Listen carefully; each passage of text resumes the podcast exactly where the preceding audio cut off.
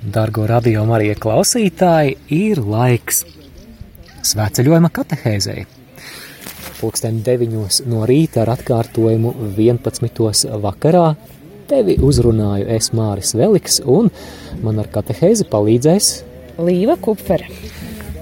Mīļo klausītāji, iedomājies tādu svētceļojuma situāciju, ka mēs dodamies no preļiem uz pelēčiem svētceļojuma pirmspēdējā diena, un tad kādā apstāšanās vietā mums notiek katehēze, un viss ir labi, viss tiek it kā rakstīts, un kad katehēze ir noslēgusies, tad tas nepatīkamais pārsteigums, ka katehēze nav ierakstījusies.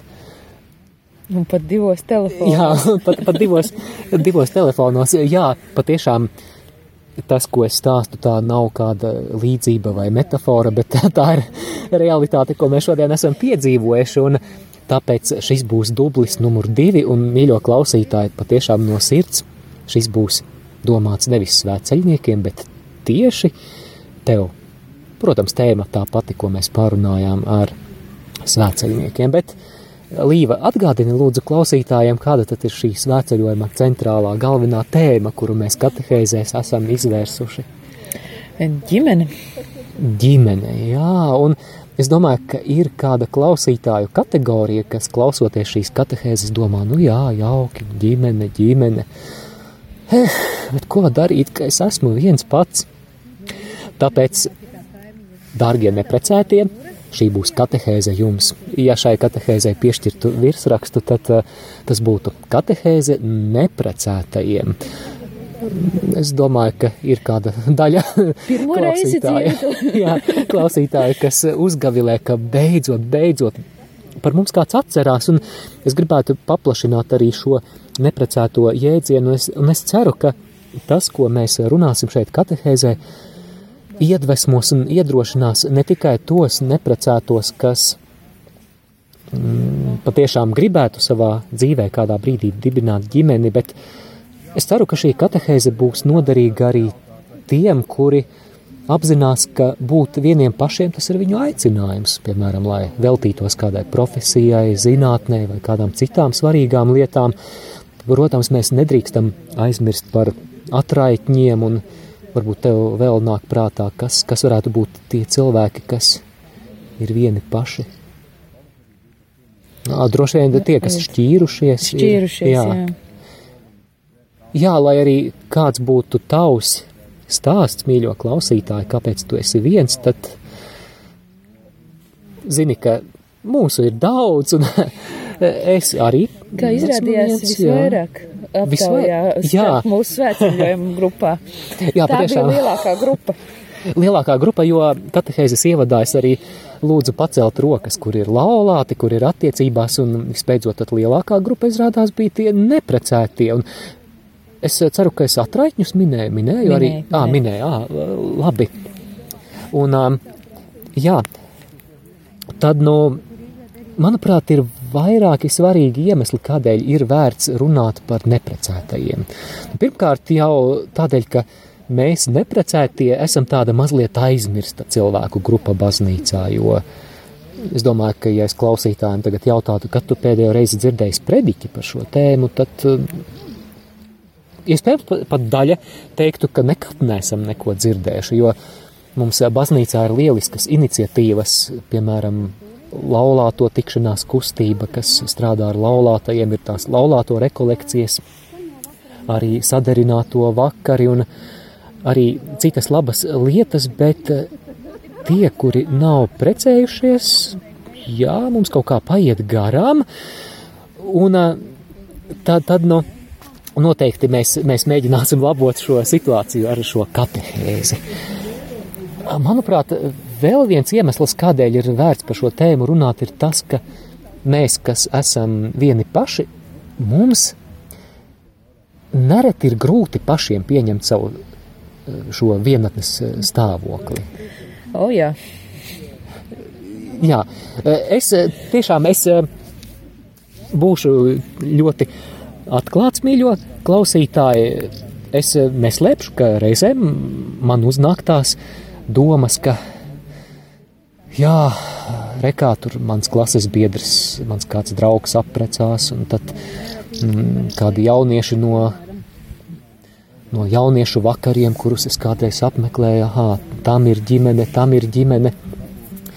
Un, jā, arī tas mans, manā dzīves stāstā arī bija posms, kad es biju sadarinājies, un arī pirms diviem gadiem svētceļojumā es gāju citā statusā, tas bija tāds sadarināšanās status, bet tad tā dzīvē gadās līdz laulībām tas nenonāca un viss izjuka, un tad, protams, ka vēlāk arī tu sāc domāt par to savu situāciju un, un mēģini saprast, nu, kā, kā, man ar, kā man samierināties eh, ar to, ka joprojām es esmu palicis viens. Un vēl viens iemesls ir eh, ne tikai tas, ka mums pašiem reizēm ir grūti pieņemt šo dzīves stāvokli, bet reizēm šķiet, ka pat arī citiem ir grūti pieņemt tos, kur ir vieni.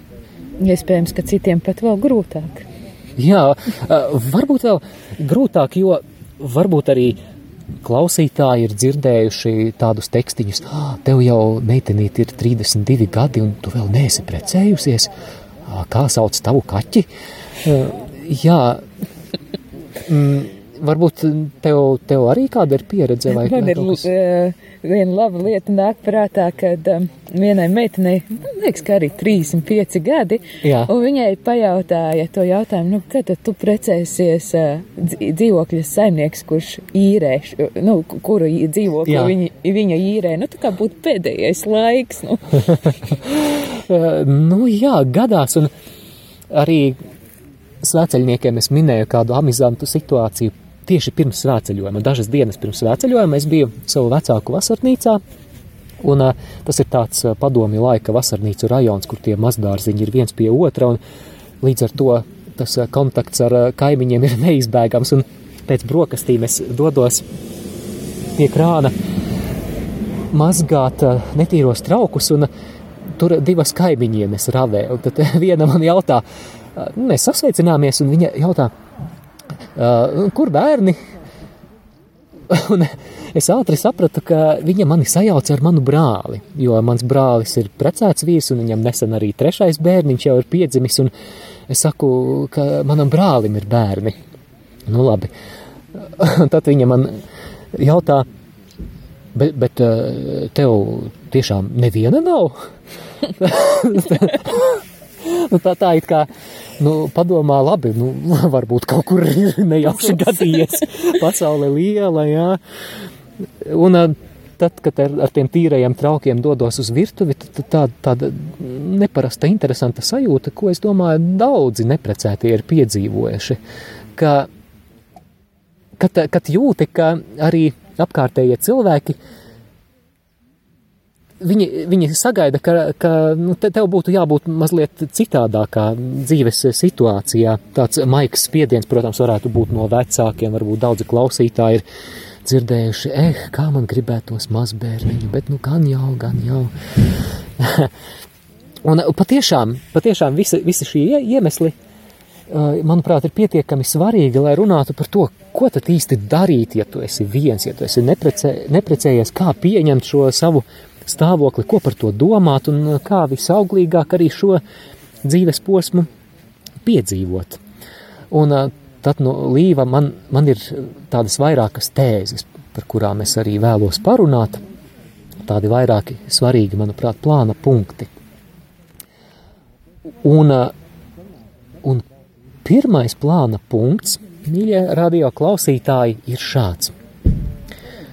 Protams, tas attiecās ne tikai uz neprecētajiem, bet uz ikvienu cilvēku. Tavu vērtību nenosaka tavs dzīves stāvoklis. Tavu vērtību nenosaka tavs dzīves stāvoklis. Jā, Dieva acīs tavu vērtību it nemaz nenosaka tas, vai tu esi vai tu neesi precējies. Un, un šis ir brīdis, kad ir jāatgriežas pie pašiem, pašiem pamatiem, proti pie vēsts par par Dieva mīlestību uz mums. Mēs lasām Jāņa vēstulē, pirmajā Jāņa vēstulē, ka Dievs ir mīlestība. Jā, tā ir tāda daļa no, no šīs Dieva būtības, un Un šī dieva mīlestība ir beznosacījuma mīlestība. Lai arī kādā bardakā varbūt būtu mūsu dzīve, dievam droši vien nesagādā, nesagādā lielāku prieku nekas cits, kā, kā steigties mums pretī, neraugoties uz, uz, uz to, ka mēs paši varbūt sevi esam norakstījuši. Dievs savā mīlestībā patiešām ikvienu, ikvienu cilvēku vēlas apskaut, dāvāt šo mīlestību. Un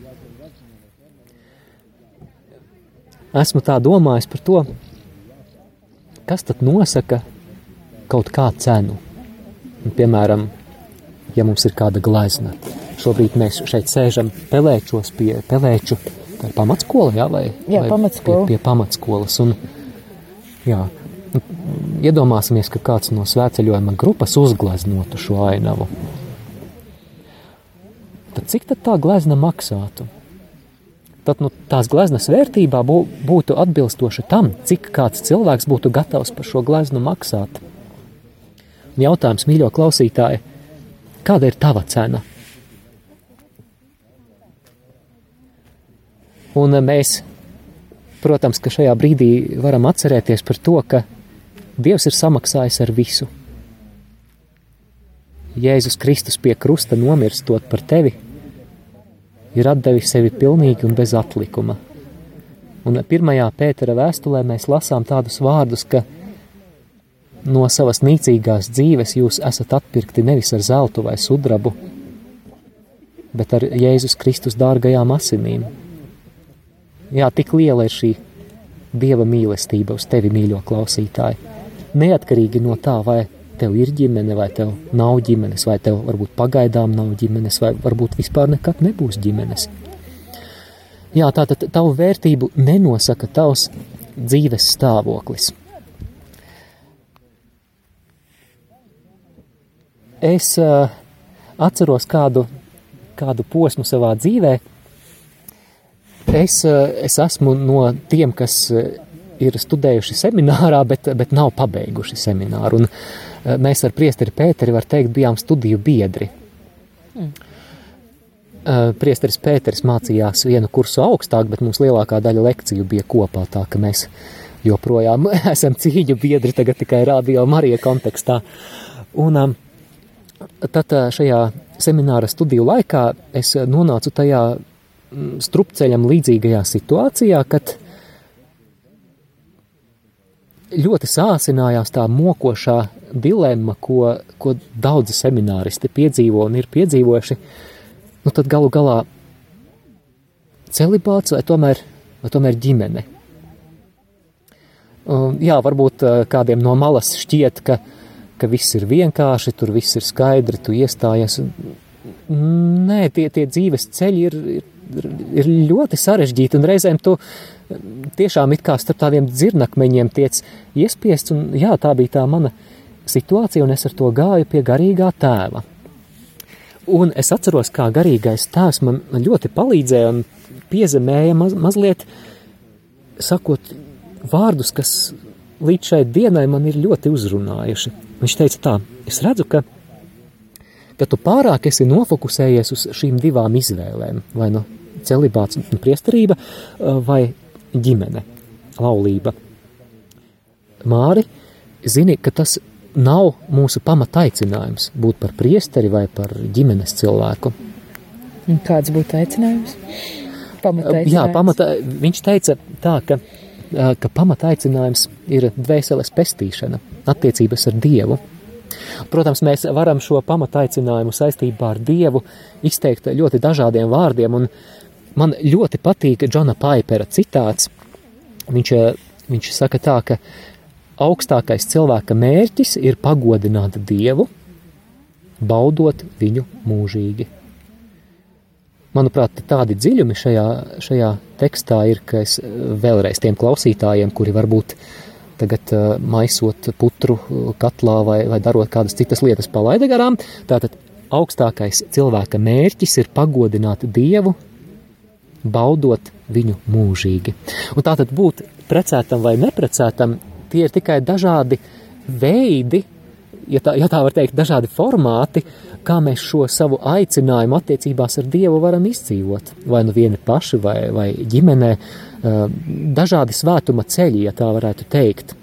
Un galu galā arī Jēzus evaņģēlijos saka, noteikti atceries to, to vietu, kur, kur saducēji viņu pārbauda. Viņi tur ir izgudrojuši baigo līdzību par, par sievu, kas tika izdota desmit vīriem, ne, vai pagava kā septiņiem, laikam. Jā, septiņiem vīriem, un tad kam, kam galu galā viņa būs pēc augšām celšanās sieva. Un, un Jēzus atbildot viņiem saka tādus vārdus, ka augšām celšanās cēlienā neprecējas, nec tiek precēti, bet visi ir kā eņģeļi debesīs. Mateja evaņģēlijas 22. nodaļa, 30. pants. Tātad laulība lai cik tā būtu cēla un cildena, un par to mēs arī esam iepriekšējās katehēzēs runājuši, tā ir šīs zemes realitāte. Tātad šī, šī pirmā tēze, par kuru es gribēju runāt, ka tavu vērtību nenosaka tavs dzīves stāvoklis. Un tagad laiks arī otrajai lielajai domai, ka Dievs var tevi spēcīgi lietot kā neprecētu Dievs var tevi spēcīgi lietot kā neprecētu.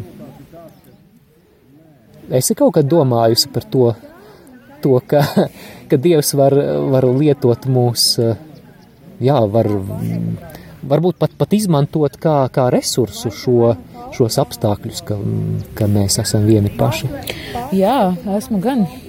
Um, dažreiz domāju, nu, ir tādas kaut kādas lietas, kurās tu varbūt nevarētu iesaistīties un darīt, ja tu būtu precēts.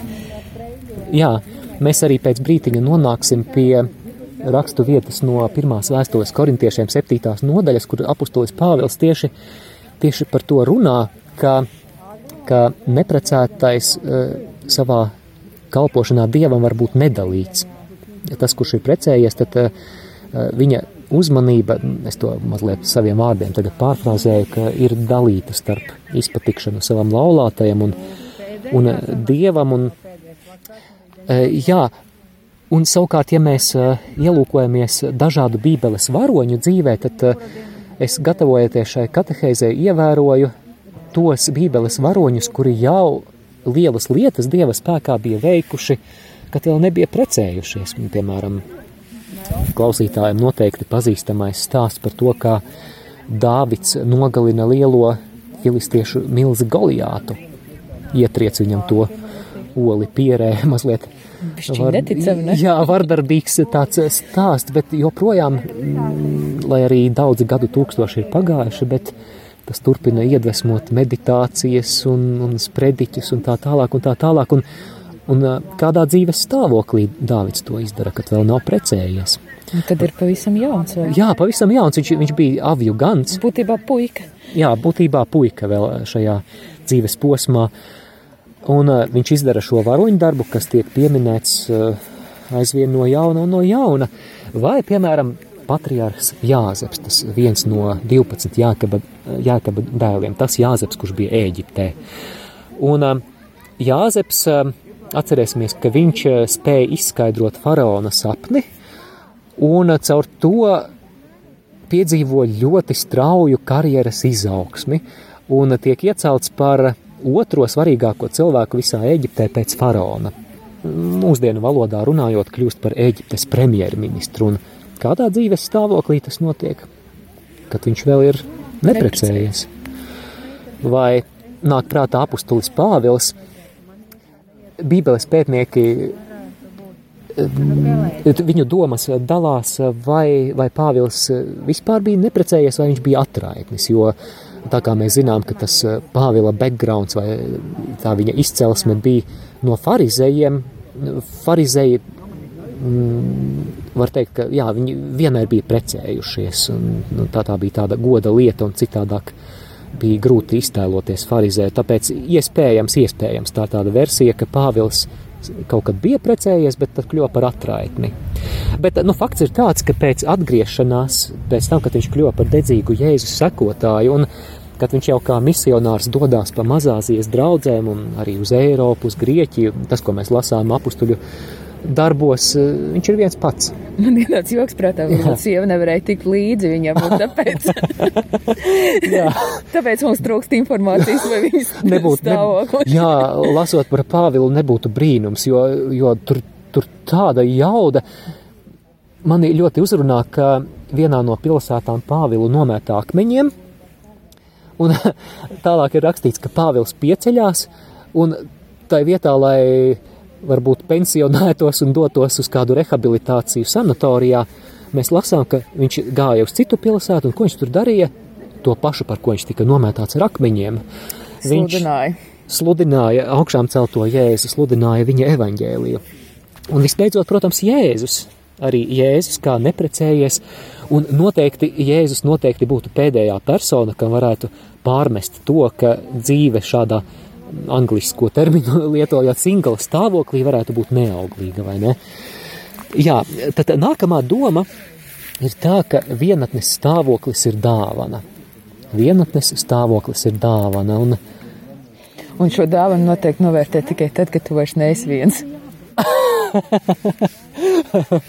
Droši vien precētie pie radioaparātiem āmen tagad saka šajā, šajā brīdī, eh, ar, kā, ar, jā, kur. Ja kur es tagad nebūtu precējies, ko es tik nedarītu? Nē, labi, labi, es, mēs ceram, ka mēs jūs neaizvainojam, bet uh, jūs cerams, ka saprotat veselīgu humoru, bet uh, jā, tad, tad nu, lūk, saka apustulis Pāvils pirmajā vēstulē korintiešiem septītajā nodaļā par šo vienatnes stāvokli kā dāvanu. Tātad septītā nodaļa un septītajā pantā viņš saka, bet es gribētu, lai visi cilvēki būtu kā es. Tomēr tur katram ir sava dieva dota dāvana. Katram ir sava dāvana, tātad viņš gan laulību, gan arī šo vienatnes stāvokli uzskata par dāvanu. Pat neraugoties uz to, ka, ka mums šo vienatnes stāvokli reizēm ir grūti saskatīt kā dāvanu. Tāpēc kaut, kur, kaut kādā ziņā jāmaina tā domāšana, par to mēs vēl runāsim. Pāvils tālāk saka, bet neprecētiem un atraitnēm es saku, ir labi, ja tie paliek tādi kā es. Tālāk Pāvils paskaidro, kādi tad ir ieguvumi šajā stāvoklī, un no, no 32. panta viņš saka, bet es gribu, ka jūs būtu bez zūdīšanās, Neprecētais rūpējas par tā kunga lietām, kā patikt tam kungam. Bet precētais rūpējas par pasaules lietām, kā patikt sievai. Viņa sirds ir dalīta. Līva varētu no 34. panta nolasīt. Tāpat neprecētā un jaunava rūpējas par tā kunga lietām, lai būtu svēta miesā, un garā, bet precētā rūpējas par pasaules lietām, lai patiktu vīram. To es saku jums pašiem par labu, ne it kā gribēdams jums apmest cilpu, bet ka jūs godīgi dzīvojat un pie tā kunga turaties bez mitēšanās. Jā, paldies. Viņš negrib te ap, aplikt nevienam cilpu, viņš te nevienam neko neuzspiež, bet viņš šeit, viņš šeit runā par to brīvību, ko sniedz būšana vienam. Un šajā brīdī katehēzē es vēlos arī klausītājiem uzdāvināt tādu ieteikumu, vai sauksim drīzāk to par tādu neprecēto moto, moto, kas izsaka to, kā šo vienatnes stāvokli visauglīgāk mēs varētu piedzīvot. Ne, neatkarīgi no tā, vai tas ir tikai kaut kāds pagaidu dzīves posms, tad vēlāk būs ģimene, varbūt kā, kāds visu mūžu dzīvos viens pats. Tad ko darīt, lai bezjēdzīgi neizšķiestu šo, šo savu vienatnes stāvokli? Un, manuprāt, mēs tādu lielisku moto varam atrast Pāvila vēstulē kolosiešiem 4. nodaļā, 5. pantā. Divi vārdi, bet, bet ļoti jaudīgi vārdi. Izmantojiet laiku. Izmantojiet laiku. Protams, Pāvils eh, šajā vēstulē kolosiešiem mazliet citā kontekstā to lieto, bet, manuprāt, tā doma ir pietiekami plaša, lai mēs to varētu attiecināt arī uz šo tēmu, par kur ir šī katehēze, par būšanu vienam pašam. Tātad izmantojiet laiku. Un eh, šīs katehēzes noslēdzošajā daļā es vēlos, it sevišķi tiem klausītājiem, kuri ir šobrīd neprecējušies, eh, dot, sniegt tādus, tādus elementārus padomus. Kā tad to laiku mēs patiešām varam izmantot? Un tad tu, tu varētu tad, minēt to, to pirmo. Tātad pirmais ir padziļina attiecības ar Dievu. Jā, padziļina attiecības ar Dievu. Mm, varbūt tev, tev Līva, ir kādas pārdomas uh, par to. Nu, es nezinu, vai, vai, vai vispār tu piekrīti šai domai, ka kaut kādā ziņā tas, ka, ja neprecējušies, ja mums nav, nav varbūt kādu saistību pret uh, laulāto, ja mums nav, nav pienākuma varbūt uh, šajā brīdī rūpēties par bērniem, kuru, kuru nav, nu, vai tu to redzi kā tādu resursu, kas, kas var kaut kā veicināt to lūkšanu, dzīvi, dieva iepazīšanu? Nu, jebkurā gadījumā noteikti tas ir, jo nu, tajā brīdī, kad tev ir bērni, tad tava lūkšana dzīve kļūst pilnīgi citādāka. Viņa nav ne labāka, ne sliktāka. Tieši tā, vienkārši jā. pilnīgi citādāka, un uh, noteikti tev nebūs iespēja palasīt uh, bībeli vienatnē. Tu māri minēji par tām, cik nodaļām tu tur lasi dienā? Uh, trīs vai četras nodaļas. Trīs, četras nodaļas noteikti. Nē, man, piemēram, ļoti patīk uh, meditācija ar svētajiem rakstiem, kur es varu tad uh, pusstundu veltīt tam, ka ir pilnīgi pilnīgā klusumā. Nu, es neticu, ka tas būtu iespējams tā. Jā, es arī daudzkārt arī klausītājiem gan raidījumā, ko es veidoju, randiņš ar bībeli arī, piemēram, esmu stāstījis par to, ka es jau gadiem ilgi lasu bībeli no vāka līdz vākam, sākot 1. janvārī un noslēdzot 31. decembrī. Un, uh, tad, ja Dievs dos man uh, dibināt nākotnē ģimeni un, un būs jāauklē mazi, mazi bērniņi. Es, es domāju, ka šādi tempi, tādi maratona veidīgi tempi Bībeles lasīšanā tīri loģiski nebūs pieejami, jo, piemēram, svētais, svētais Sales Francisks savā slavenajā garīgās dzīves klasikā grāmatā Filoteja, viņš saka tādu gudru domu, ka ja tava garīgā dzīve sāk traucēt taviem pamatpienākumiem, tad eh, kaut kas nav kārtībā ar tavu garīgumu. Tā ka eh, katram dzīves stāvoklim tad, tad ir kaut kāda, nu jā, cita veida jā, garīgums. Cita veida garīgums, ja tā var teikt, vai cita veida intensitāte. Un, bet nu, tas, tas, kas ir fakts, ka kamēr mēs esam neprecējušies, kamēr mēs neesam kādās attiecību saistībās, tad, tad ir iespējams kā arī es svēceļniekiem šodien minēju, ka, piemēram, ja man ir kāda brīva sestdiena, kad man nekādu plānu nav, es pamostos no rīta, izlasu tās trīs, četras bībeles nodaļas, tad uzkopju dzīvokli, sagatavoju ēst, vakarā aizbraucu uz misi, tad no mises eju 14 vai 13 km līdz savām mājām, nesteidzīgi lūdzos rožu kroni, iekšējo lūkšanu un kopumā tad sanāk kādas trīs stundas lūkšanā un, un arī mīļo klausītāji, jā, patiešām, ja, ja tu piedari tiem neprecētajiem, kas vēlētos nākotnē dibināt ģimeni, tad zini, ka šis ir tas laiks, kad tu vari veidot arī stiprus pamatus tavai un tavas ģimenes garīgajai dzīvei nākotnē. Piemēram, ja jūs, dārgie kungi, puiši, klausāties, tad, ja esat neprecējušies, tad uh, veidojiet savas attiecības ar Dievu tā, lai tad, kad jums būs ģimene, jūs spētu būt par labiem priesteriem savā ģimenē. Un to, tā pamatu likšana sākas jau tagad. Izmantojiet šo iespēju, izmantojiet laiku. Tad uh, nākamais. Nākamais, ieteikums. otrais ir kalpot. Jā.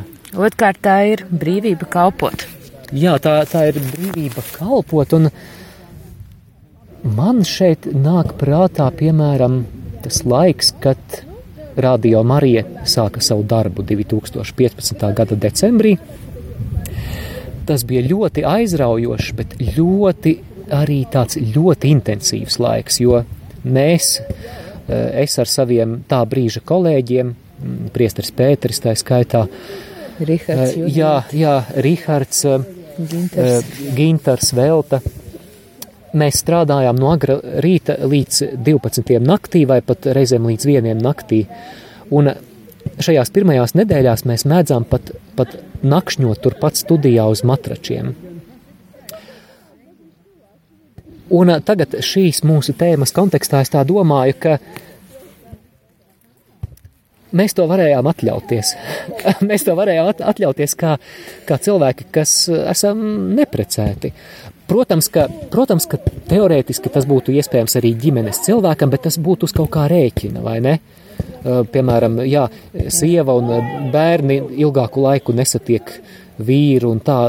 Mēs to varējām atļauties. Labi, tas kaut ko citu varbūt maksāja. Nes, nes cik tur stresā mums tās nervu šūnas atmira tajā, tajā laikā. Bet, bet jā, kas attiecās uz, uz to ietekmi uz citiem cilvēkiem, jā, mūsu, mēs caur to neietekmējām nesāpinājām vai neapdalījām kādus mūsu tuviniekus. Drīzāk tas bija kā svētība ļoti jā, daudziem. Jā, un arī daudzas citas iespējas kalpot, un tādēļ, mīļo klausītāji, varbūt eh, tev nāk prātā dažreiz tādas domas, nu, kad es atradīšu savu vīru vai savu sievu, nu tad viss sāksies, tad es sākšu kalpot, tad es sākšu īstenot tos sapņus, kur ir manā sirdī.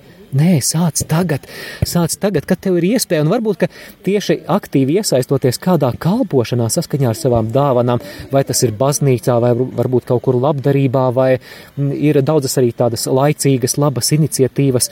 Varbūt, ka šajā, šajā kalpošanā tu arī satiksi kādu cilvēku, ar kuru sapratīsi, ka varbūt kopīgs ceļš tālāk ir ejams. Un Līva, Eh, starp citu, ja, ja kāds no klausītājiem varbūt domā, hmm, varbūt Radio Marija varētu būt tā, tā vieta, kur es kā neprecēts varētu, varētu tā brīvi veltīt savu laiku, tad ko tu teiktu šim cilvēkam? es teiktu, raksti, raksti uz e-pastu info etrml.lv. Jā, tātad neizšķied laiku, izmanto laiku un kalpo. Un tad trešais eh, veids, kā mēs varam izmantot. Un trešais laiku. veids tad ir pilnveidot savas prasmes. Jā, pilnveidot savas prasmes nozīmē izglītoties, kur vēl labāka iespēja kaut ko vēl papildus pastudēt, eh, kamēr tevi mājās negaida kādas izsalkušas mutes, kas ir jābaro, vai tā ir iespēja tādai profesionālajai izaugsmē. Arī, eh, kas man nāk prātā, arī Mums ir dažādi hobiji, kādiem klausītājiem varbūt tā ir mūzika, kādiem māksla. Tad eh, izmantojiet šo, šo laiku, kamēr jūs esat brīvi, lai, lai slīpētu, lai pilnveidotu šos savus talantus.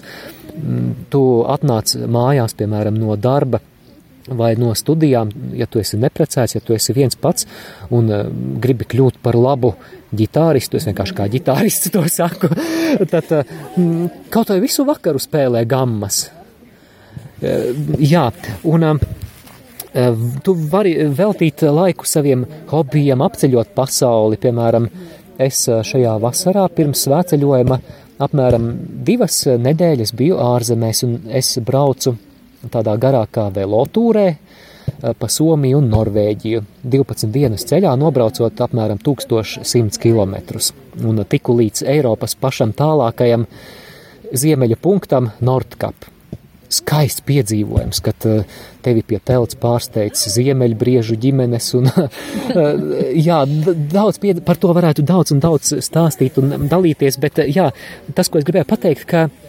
izmanto laiku, izmanto laiku, lai pilnveidotos, lai attīstītu savus hobijus. Mārta, tu katehēzē mums jau minēja to labo piemēru par to olu cepšanu, es atcerējos, vai tas bija tālāk? À, par, par to olu cepšanu vēl, vēl būs tālāk. Jā, à, tad, tad tas būs pie, tieši, tieši, tieši pie, pie nākamā punkta. À, nākamais jā. punkts, tad klausītāji virzamies uz nākamo punktu, tad, tad sakārto sevi. Jā, sakārto sevi, jo nu, mums neprecētajiem jau ir tā, ka tad, kad mēs Un es domāju, ka klausītāji arī piekritīs, tad, kad mēs domājam par tām savām iespējamajām otrajām pusītēm, mēs sākam sastādīt tādu sarakstu. Meitenes domā par ideālajiem puišiem, puiši ir sastādījuši sarakstu, kādai tai ideālajai meitenei jābūt skaistai, dievbijīgai, mm, gudrai un tā tālāk un tā tālāk. Bet jautājums, svarīgs jautājums, kuru ir vērts pārdomāt ne, mums kā neprecētajiem, ir,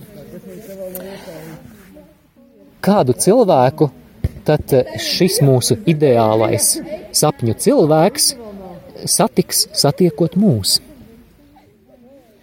Vai satiekot mūs, šis mūsu sapņu cilvēks patiešām spēs arī savā sarakstā tos ķeksīšus vilkt un, un, un pateikt, ka, hmm, diezgan labs variants. Varētu jā. sākt kaut ko veidot. jā.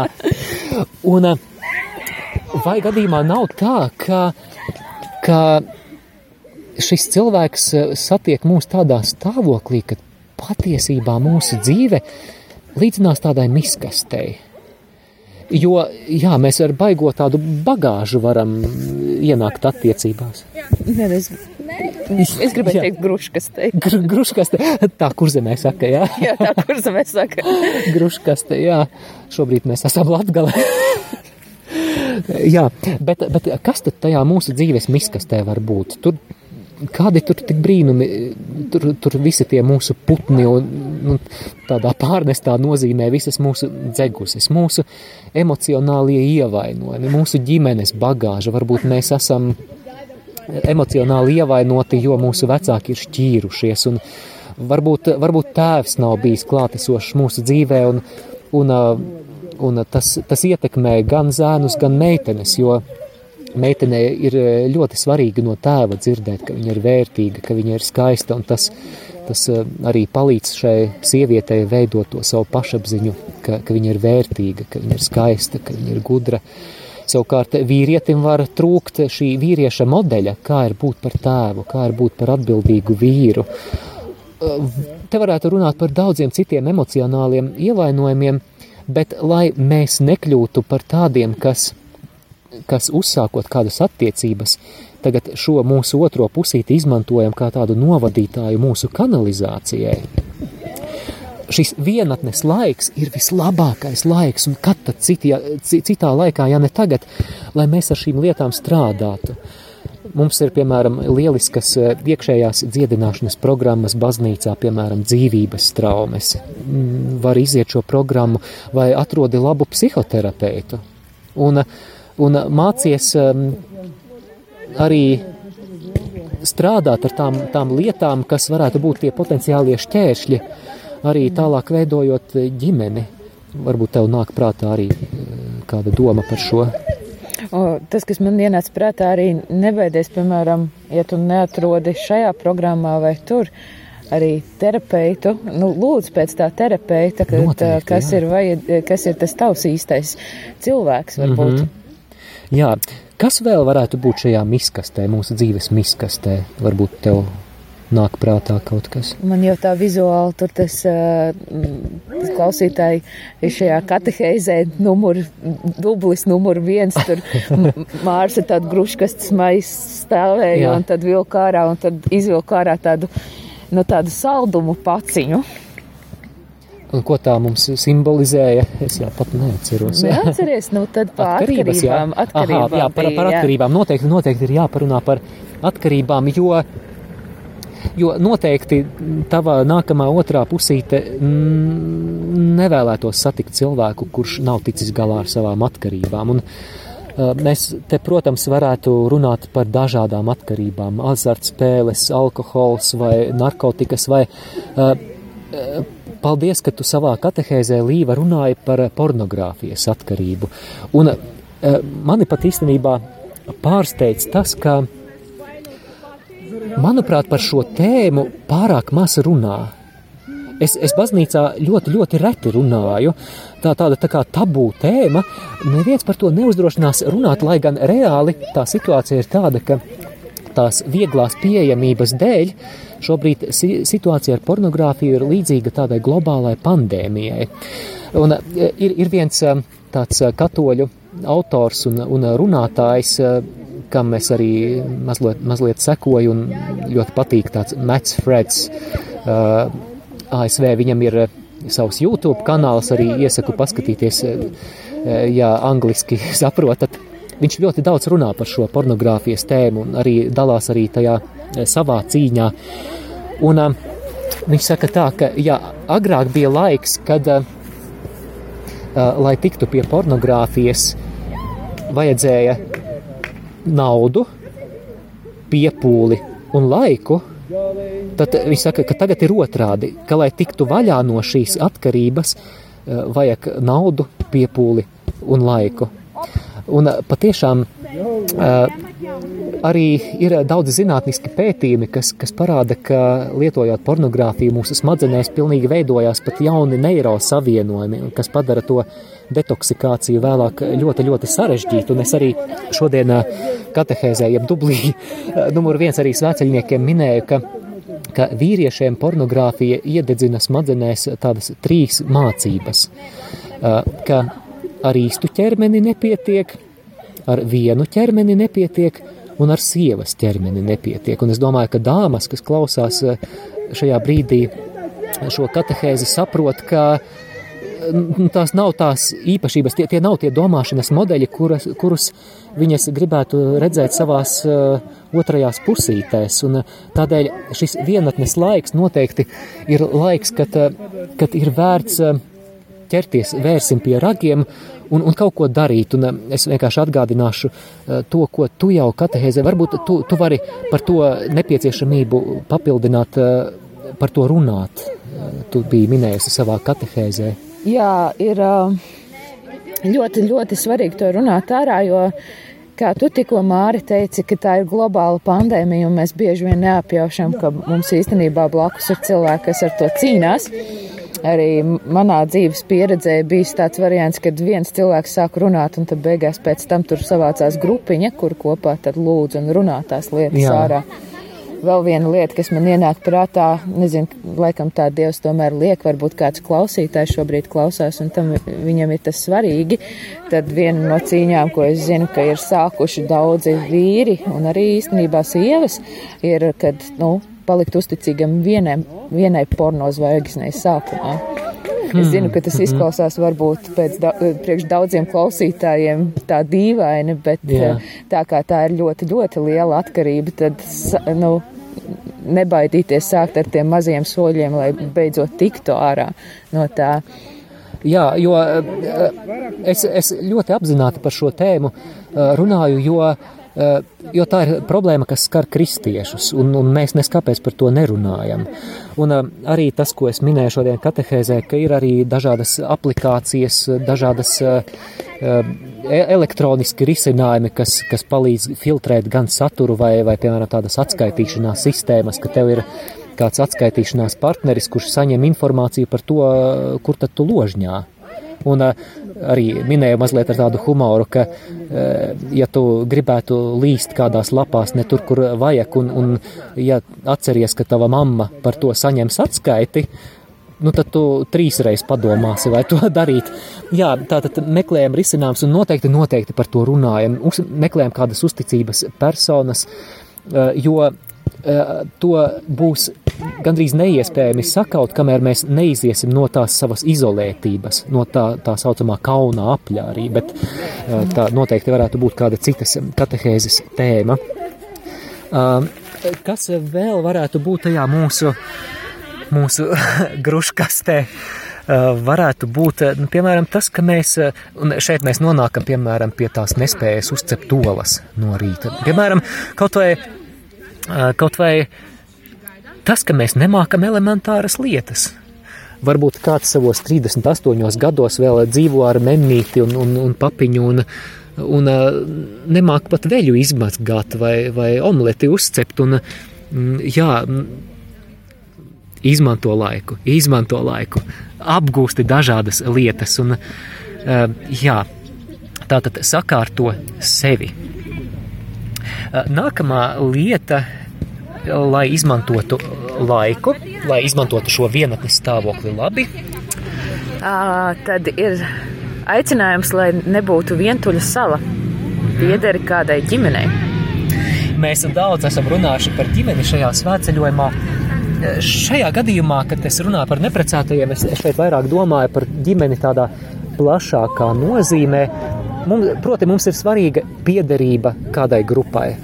Eh, varbūt tā ir lūkšanu grupa, eh, tie ir draugi, tie ir kādi cilvēki, kam mēs uzticamies. Varbūt tā ir sporta komanda, varbūt tas ir kāds interešu pulciņš, varbūt koris, bet ir svarīga šī piederība, lai mēs patiešām nebūtu šī vientuļā sala. mums ir vajadzīgi citi cilvēki. Un, um, un visbeidzot, noslēgumā, mīļo klausītāji, arī tāda piebilde, ka, ja tu esi neprecējies,